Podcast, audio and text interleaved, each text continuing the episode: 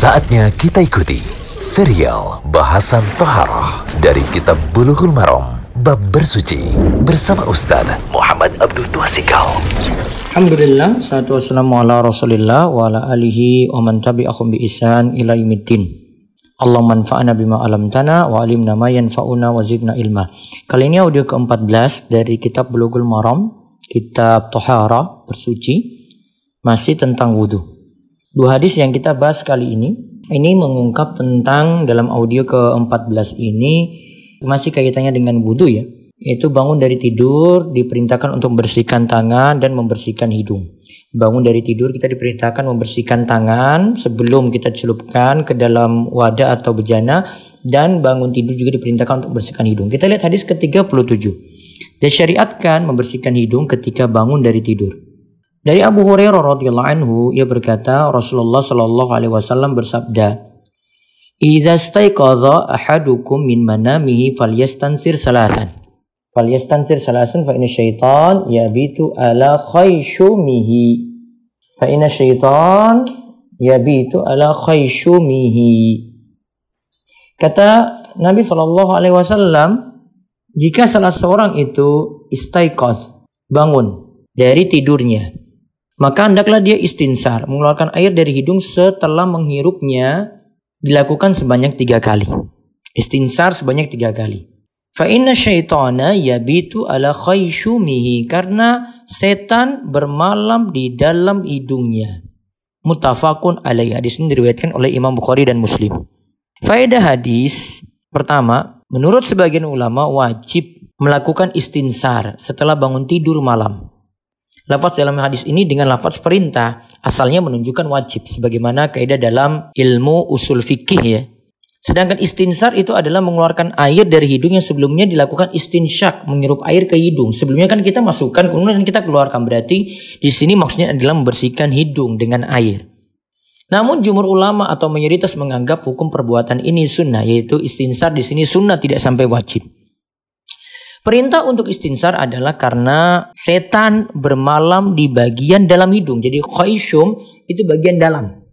Maka sebagai muslim, pokoknya kalau kita cuma tahu kayak begini beritanya kan kita dengar ini setan bermalam di bagian dalam hidung ya. Maka tugas kita hanyalah mengimani hal semacam ini. Jadi kita imani, oh gitu ya, ini yang kita saya lakukan, pokoknya saya laksanakan saja.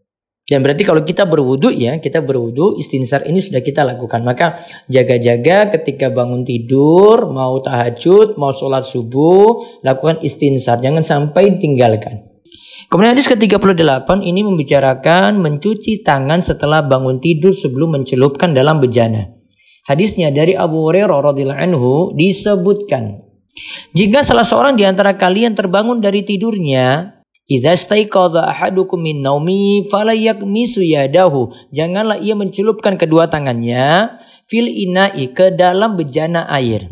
Hatta yaksilah salasan. Sehingga ia mencucinya terlebih dahulu tiga kali. Fa innahu la yadri aina batat yadu. Sebab ia tidak tahu apa yang dipegang tangannya tadi malam. Mutafakun alaih. Hadis ini diriwayatkan oleh Imam Bukhari dan Muslim. Lafaz ini dari Muslim.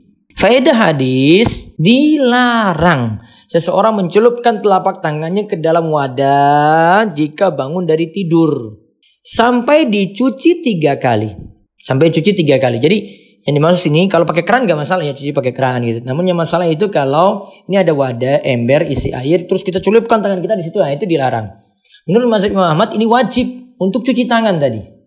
Ya, menurut Mazhab Imam Ahmad itu wajib cuci tangan. Sedangkan menurut jumhur atau mayoritas ulama dihukumi sunnah. Larangan yang ada adalah larangan makruh. Ya, sebaiknya jangan ditinggalkan ketika bangun tidur. Terus yang kedua, jika yakin di tangan ada najis. Nah, tangannya ada najis. Entah kencing kayak apa kayak wajib tangan tersebut dicuci sebelum dicelupkan dalam wadah. Berarti dilarang celupkan langsung karena ada apa? Najis. Terus ini berlaku untuk tidur malam atau tidur siang. Kita lihat penjelasan ulama yang dimaksud dengan bangun tidur yang diperintahkan mencuci tangan sebelum dicelupkan adalah bangun tidur malam. Dalam lafaz Abu Daud disebutkan jika salah seorang dari kalian bangun dari tidur malam. Terus yang sahih jika ada yang bangun tidur lalu mencelupkan tangannya ke dalam air sebelum tangan tersebut dicuci, air tersebut tidaklah najis. Jadi airnya tidak najis. Air tersebut tetap suci. Inilah pendapat jumur atau kebanyakan ulama. Jadi kalau ada misalnya ini tidak bawa najis ya, namun datang-datang langsung dia lihat ember isi air kemudian dia celupkan tangannya di situ, maka ya air tersebut tidak jadi najis. Air tersebut tetap suci. Inilah pendapat jumur atau kebanyakan ulama. Wallahu a'lam bishawab. Demikian serial bahasan toharoh dari kitab Bulughul Maram bab bersuci bersama Ustaz Muhammad Abdul Tuasikal.